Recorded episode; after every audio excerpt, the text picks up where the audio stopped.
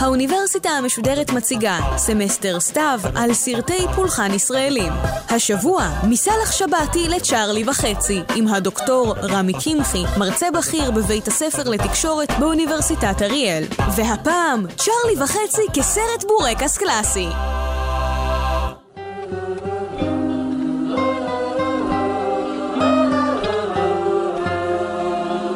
ערב טוב. בהרצאות הקודמות שאלנו מה מקורה של ההצלחה המסחרית הפנומנלית של סרטי הבורקס. לאחר ששללנו מספר תשובות שהציעה ביקורת הקולנוע הישראלית, הגענו למסקנה כי לפני ששואלים זאת כדאי לשאול שאלה מקדמית, והיא, מהו סרט בורקס? התחלנו לענות על השאלה הזאת בהרצאה הקודמת דרך ניתוח של סאלח שבתי, סרט הבורקס הארכיטיפי, והגענו למסקנה שתנאי הכרחי לסרט בורקס הוא הצגה של קהילה או משפחה מזרחית כקהילה יהודית פרה-מודרנית, כמו גם הצגתם של האשכנזים המופיעים בסרט כמודרניים. בהרצאה הזאת, המבוססת על המחקר שהופיע בספרי שטטל בארץ ישראל, סרטי הבורקס ומקורותיהם בספרות יידיש קלאסית, אנחנו ננסה לפרק את הביטוי קהילה יהודית פרה-מודרנית. ננסה לבדוק אילו מאפיינים של ייצוג הופכים את הקהילה המוצגת בסרט לקהילה יהודית פרה-מודרנית, או במילים אחרות, מהן תכונותיה של הקהילה היהודית הפרה-מודרנית המוצגת בסרטי הבורקס. לשם כך, נשתמש כדוגמה בסרט הבורקס הקלאסי צ'ארלי וחצי, שביים בועז דוידזון בשנת 1974. הסרט צ'ארלי וחצי מביא את סיפורו של צ'ארלי בן חנניה, צעיר מזרחי עני, שעדיין מתגורר עם הוריו, אביו זקי, הבטלן והשתיין, ואימו פלורה, מגדת העתידות, בבית דל ומתפרנס מנוכלות זעירה. לצ'ארלי יש חבר צעיר, ילד בשם מיקו, שמעדיף את חברתו של צ'ארלי על פני ביקור סדיר בבית הספר. צ'ארלי, שמסוכסך עם הבריון של השכונה ששון, ומנהל איתו מאבק על השליטה בשכונה, פוגש באקראי, בגיל הזוהר, צעירה אשכנזייה יפהפייה, המתגוררת עם הוריה בשכונה בורגנית עשירה. השניים מאוד מוצאים חן האחד בעיני השנייה, אך הרומן ביניהם צריך להתמודד עם שני קשיים מרכזיים. פער המעמדות ביניהם, שמוביל להתנגדותם החריפה של הוריה של גילה לקשר, והעובדה שגילה מאורסת לצ'לן יהודי ניו יורקי העונה לשם רוברט. לאחר מספר פיתולים בעלילה, נראה שהקשר אכן עומד להתממש בנישואים.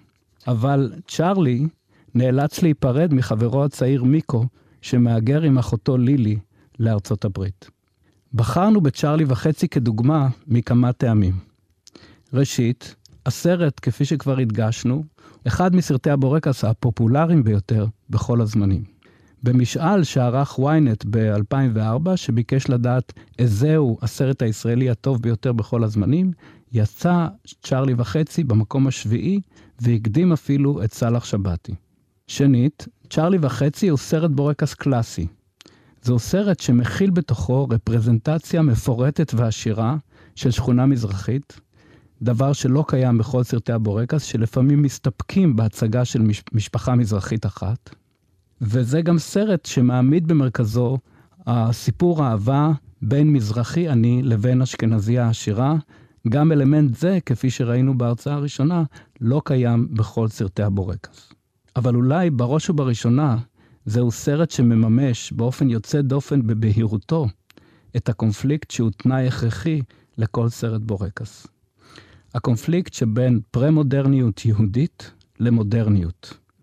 פרה-המודרניות מיוצגת בסרט על ידי צ'ארלי, משפחתו והשכונה, באופן פלסטי ועשיר, ואילו המודרניות מעוצבת גם היא באופן משכנע באמצעות גילה והוריה האשכנזים. בואו נפתח ברפרזנטציה הדיכוטומית הזאת של שתי הקהילות, כפי שהיא מופיעה בצ'ארלי וחצי. הסצנה שאנחנו עומדים לשמוע עכשיו היא אחת הסצנות הראשונות בסרט. תפקידה הוא לערוך לצופים היכרות עם צ'ארלי ומשפחתו.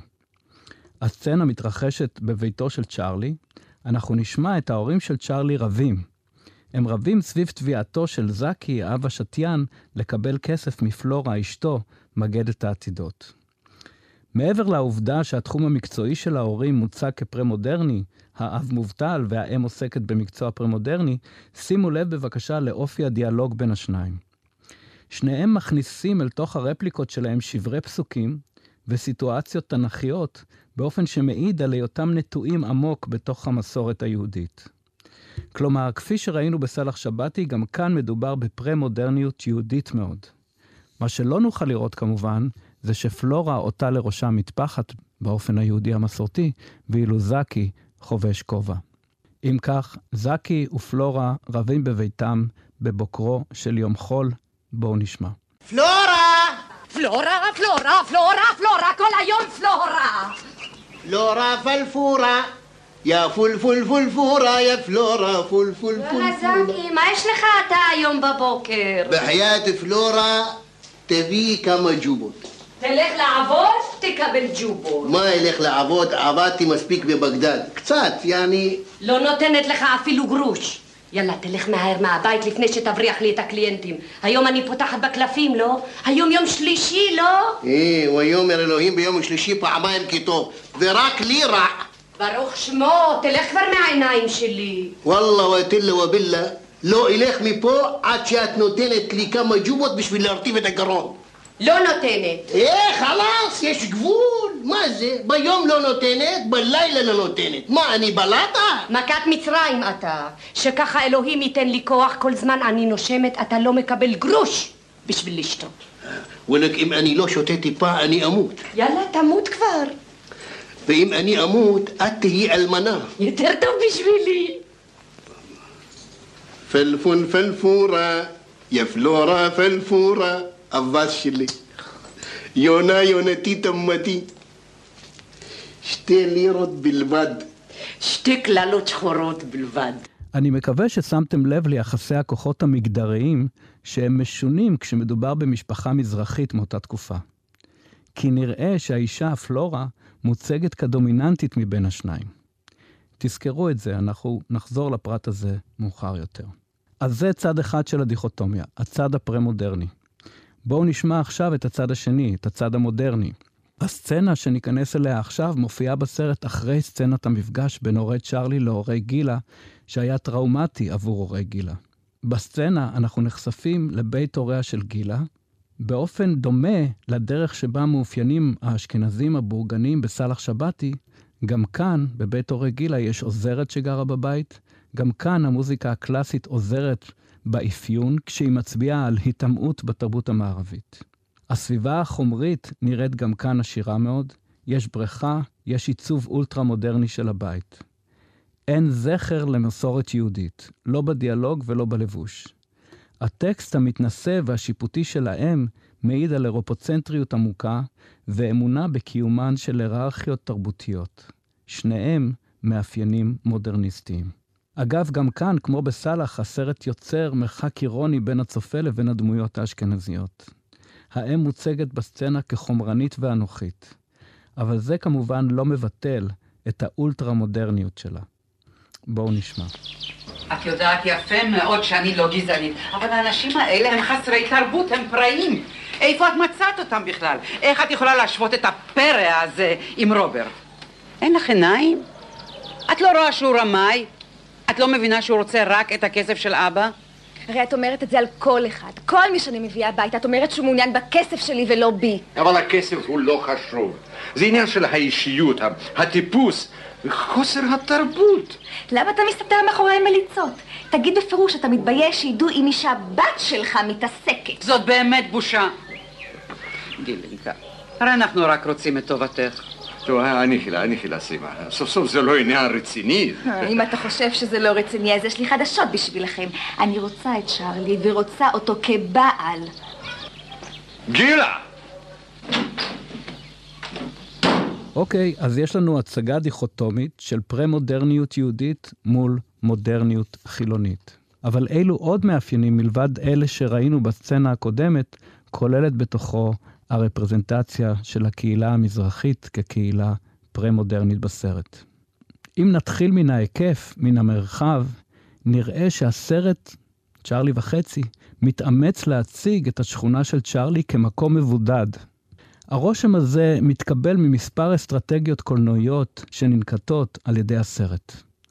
ראשית, הסרט אינו מזהה את המיקום המרחבי החוץ-טקסטואלי של השכונה בה מתרחש הסיפור. ידוע כי אתר הצילום של הסרט היה שכונת שבזי בדרום תל אביב. אבל נראה שהסרט מתאמץ להסתיר זאת. המחבר הקולנועי מקפיד לא לצלם סמלים של תל אביב, כמו למשל כלבו שלום, או בתי המלון לאורך החוף, או אפילו צילום פנורמי של העיר. סמלים שהיו יכולים לתרום לזיהוי חד משמעי של מיקום השכונה במרחב החוץ-טקסטואלי, ומשאיר את האספקט הזה עמום. אנחנו כצופים לא יודעים היכן זה מתרחש. תחושת הבידוד נוצרת גם על ידי התוויה של הבחנה אדריכלית ברורה בין השכונה המזרחית לבין המרחבים שמסביב לה. רחובות השכונה של צ'ארלי שונים מאוד מרחובות העיר שמופיעה בסרט. יתרה מזאת, יש הבדל קיצוני בין רחובות השכונה של צ'ארלי לבין רחובות השכונה של גילה. תורמת לתחושת הבידוד גם העובדה שהסרט מעצב את השכונה של צ'ארלי כמקום שבו הנציגות של הרשויות היא נדירה ביותר. בולטת במיוחד היעדרותה של המשטרה מן השכונה. באופן שנראה תמוה, לאור הפשע הפורח בשכונה ועובדת היותה מאוכלסת בעבריינים כמו ששון הבריון ועוזרו גדליה, ובנוכלים כמו צ'ארלי עצמו, שמנהלים מאבקי שליטה אלימים ביניהם, אחד המאפיינים הבולטים של הרפרזנטציה של השכונה המזרחית בצ'ארלי וחצי, הוא דווקא היעדרותה של המשטרה. נראה כי המשטרה אף אינה קיימת בתודעתן של הדמויות, שכן אף אחת מן הדמויות הפועלות בסרט אינה מזכירה אותה. אווירה של תחרות היא מאפיין חשוב נוסף ברפרזנטציה של הקהילה המזרחית בצ'ארלי וחצי. התחרות בסרט אינה על מקורות פרנסה או מעמד בלבד. זוהי תחרות במובנה העמוק יותר. תחרות כאורח קיום.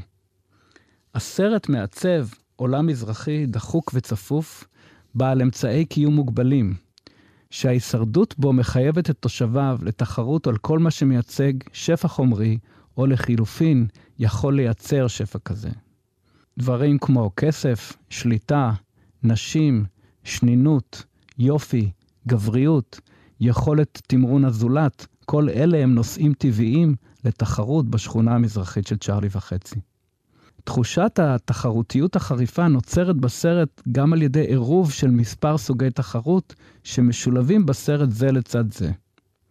מצד אחד יש בסרט תחרות על אישה, במקרה הזה התחרות על גילה, האשכנזייה היפה והעשירה בין צ'ארלי לבין רוברט, חנון אמריקאי כעור ושמן בעל ליבידור אדום, אבל תרבותי, עשיר ובעל השכלה מוזיקלית, הוא צ'לן.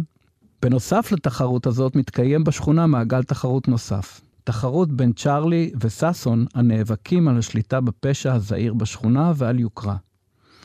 כך למשל צ'ארלי וששון מתחרים ביניהם בנהיגה מהירה במכוניות, ביכולת שלהם להתעלל איש ברעהו ובכישרונם לפתות נשים.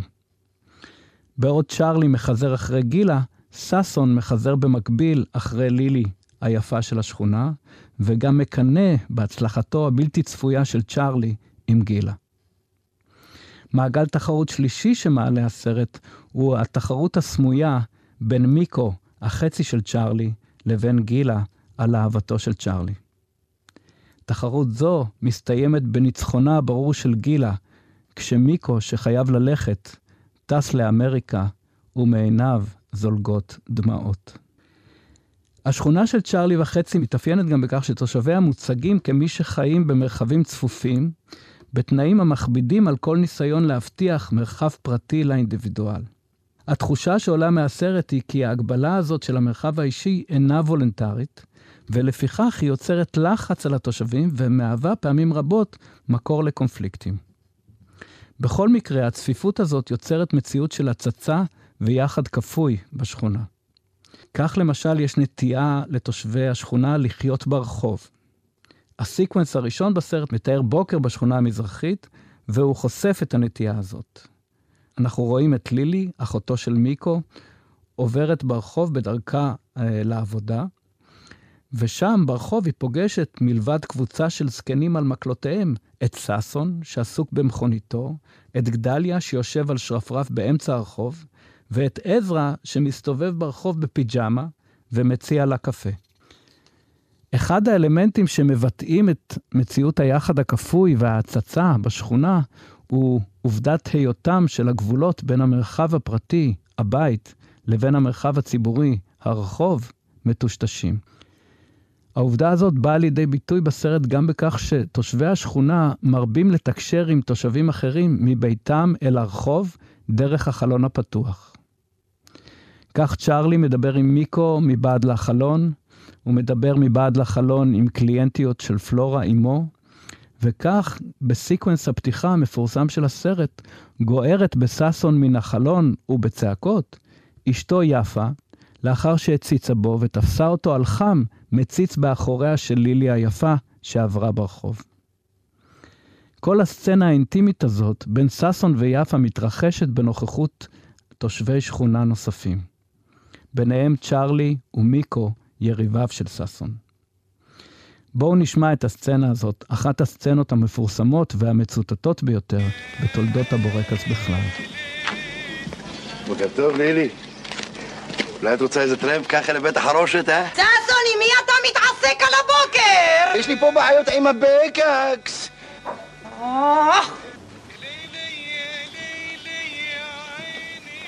מה זה, ששון? עוד הפעם אתה מתעסק עם ילדים? מי מתעסק? זה מיקו. אה, מה רוצה התולעת? אה, מחפשת חכה. אל תיתן לו שום דבר, אלה אף פעם לא מחזירים. מי נותן? מה, אני קופת על חסכן? טוב, אז למה אתה מחכה? אמרתי לך, אתה צריך ללכת לקופת חולים לראות את הרופא נשים. אני כבר נוסע. אם כך, טשטוש בין פרטי לציבורי. ומה דעתכם על העובדה המוזרה שראיה גוערת בבהלה, שהוא במקרה הגבר החזק בשכונה בפומבי, ומשפילה אותו בפרהסיה, והוא מקבל את זה בטבעיות? נשמע אמין? תזכרו את הנקודה הזאת, אנחנו נידרש לה בהמשך. אם ביחסי גברים ונשים עסקינן, נראה כי למרות שבמרכז הנרטיב של צ'ארלי וחצי מערכת יחסים רומנטית, הסרט מציג קהילה שלא הטמיעה את האתוס הרומנטי, ושעבורה הנישואין הם בעיקר דרך להתקדם במעלה סולם הסטטוס החברתי. נראה שהסרט מעדיף להציג את עלילת החיזור בין צ'ארלי וגילה באמצעות סצנות שכוללות מעצם מהותן עימות בין ראייה רומנטית לבין ראייה תועלתנית של הקשר בין גבר לאישה.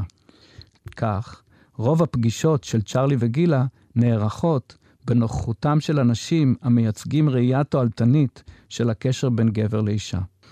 פגישתם הראשונה במסעדה מתקיימת בנוכחותו של רוברט, השידוך האשכנזי של גילה, שמשמש תזכורת לגישתם התועלתנית של הוריה של גילה כלפי נישואין. פגישתם במסלול הגולף בקיסריה נערכת בנוכחות אביה ואימה של גילה.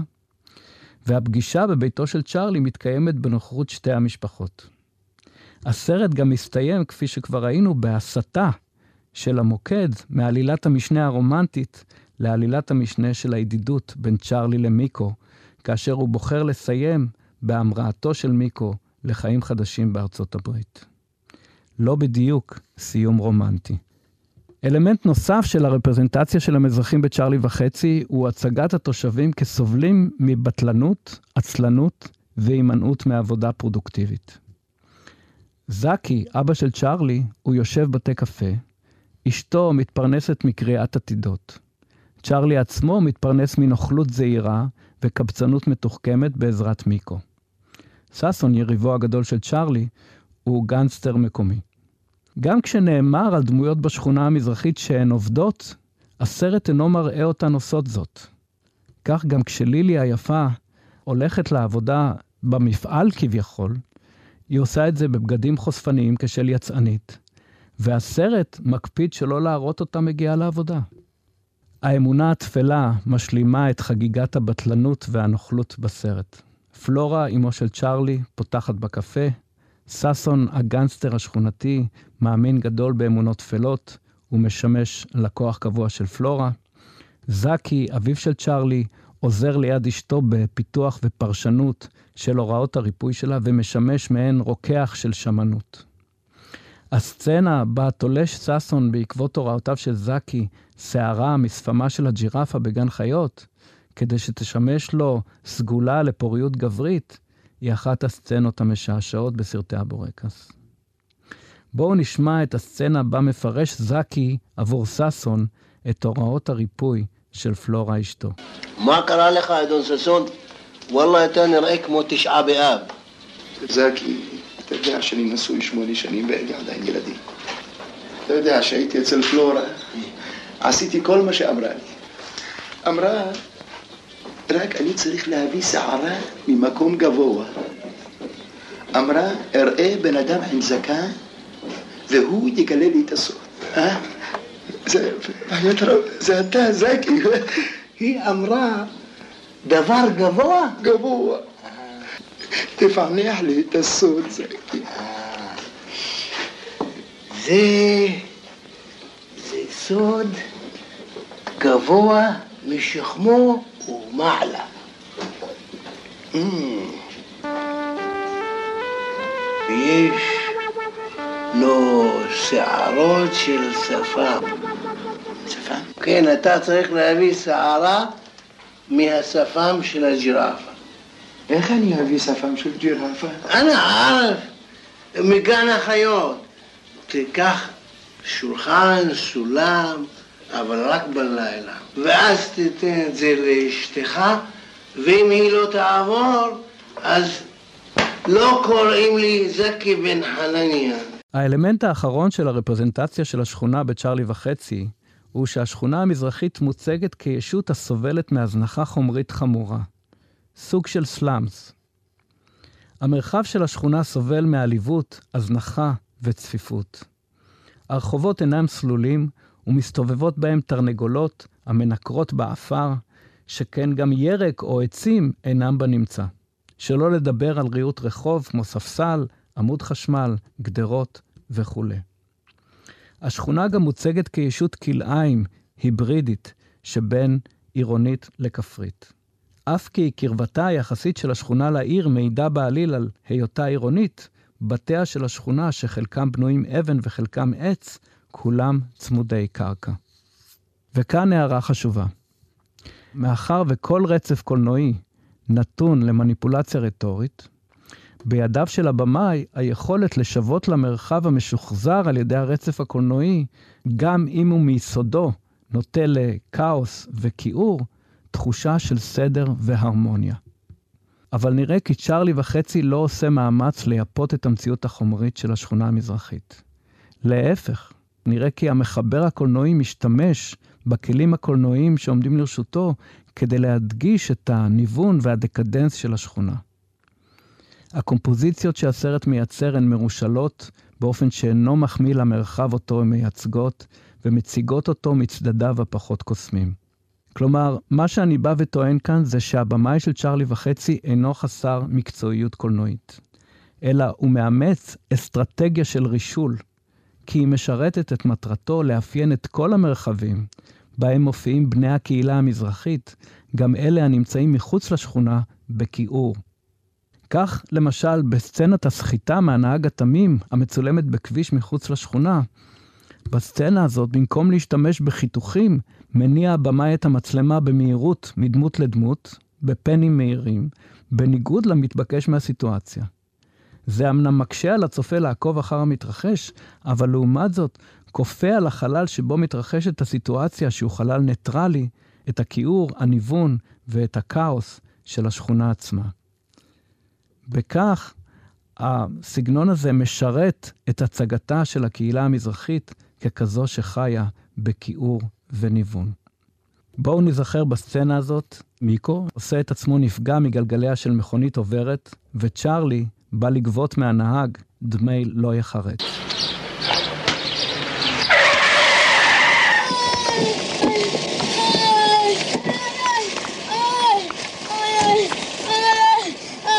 קרה לך משהו ילד? איפה קיבלת מכה? איפה קיבלת מכה? כלום, כלום. אתה מכיר אותו? מה זה אתה כזה מכיר אותו? מה עשית לילד חביבי? לא עשיתי כלום, אני נסעתי פתאום, הוא קופץ לי מתחת לגלגל. תראה מה? אתה לא נורמלי, מה זה לא עשית לו כלום? אתה עשית אותו לחלק כל החיים, תראה מה עושה. מה אתה מתקרב לך ילד? חכה רגע, חכה, אני קורא למשטרה, רק רגע. רגע, רגע, בואי. בוא'נה, לא צריך משטרה. עזוב חביבי, מה לא צריך משטרה? אני מוכן תראה מה לשלם. עשית בבן אדם, תראה אני מה מוכן עשית. לשלם. תעזוב, מה משלם? כמה לשלם? כמה אתה יכול לשלם? כמה? 200 ילך? כמה? 300. עזוב חביבי, בחייך, אני קורא למשטרה. 400 לירות. חביבי, תראה איך הבן אדם עשית ממנו נכה לך על חיים עשית ממנו, מה אתה מדבר? 500, טוב? כמה? 500.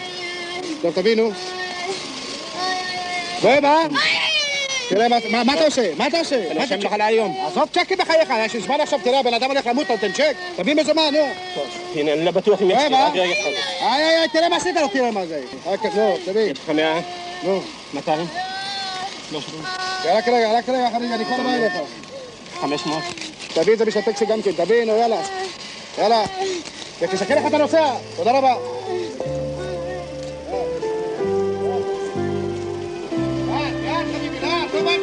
לא בא לכם, מה? בא לכם.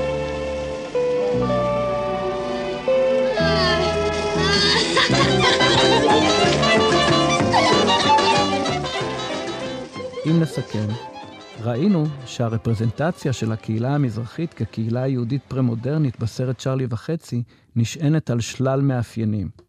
האם המאפיינים הללו משמשים בעיצובה של הקהילה המזרחית בכל סרטי הבורקס? התשובה לשאלה זאת היא חיובית.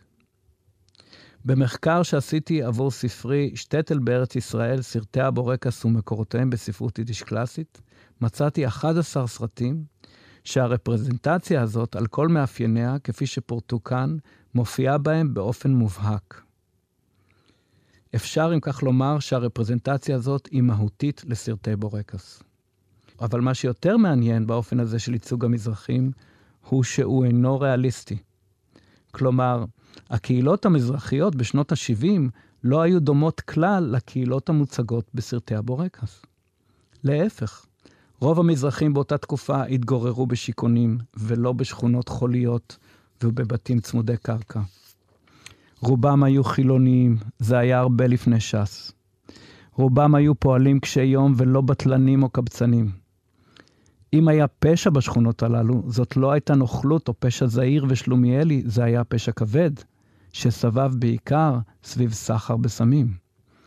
הפושעים של השכונות הללו לא הכילו ביצים האחד את השני, אלא דקרו אחד את השני, לפעמים למוות.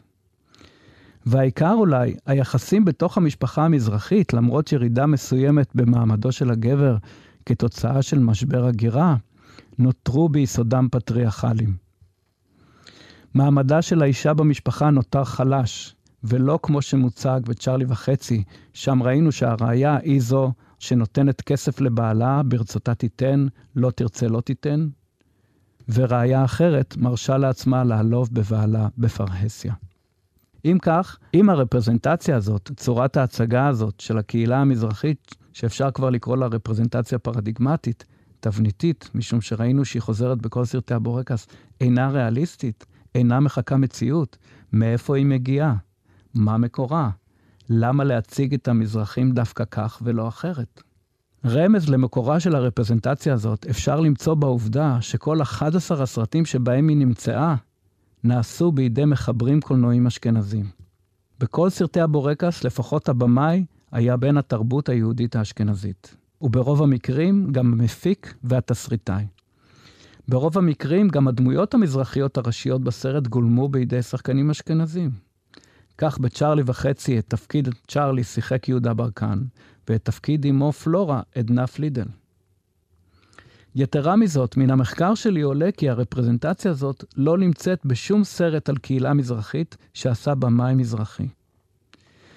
היא לא נמצאה למשל בסרטיו העממיים של ג'ורג' עובדיה, וגם לא בקומדיות שעשה זאב רווח כבמאי.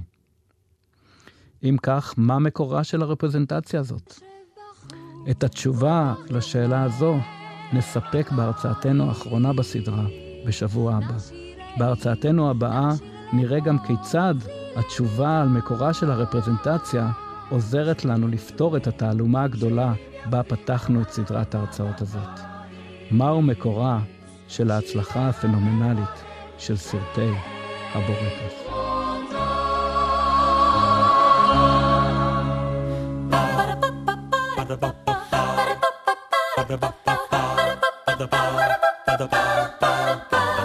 האוניברסיטה המשודרת, סמסטר סתיו על סרטי פולחן ישראלים. הדוקטור רמי קמחי, מרצה בכיר בבית הספר לתקשורת באוניברסיטת אריאל, על צ'ארלי וחצי כסרט בורקס קלאסי. עריכה והפקה, נעמי שלו. רכזת המערכת, אור לוי. עורך ראשי, ליאור פרידמן. עורכת אחראית, מאיה להט קרמן. האוניברסיטה המשודרת, בכל זמן שתרצו, באתר וביישומון גל"צ וגם בדף הפייסבוק של האוניברסיטה המשודרת.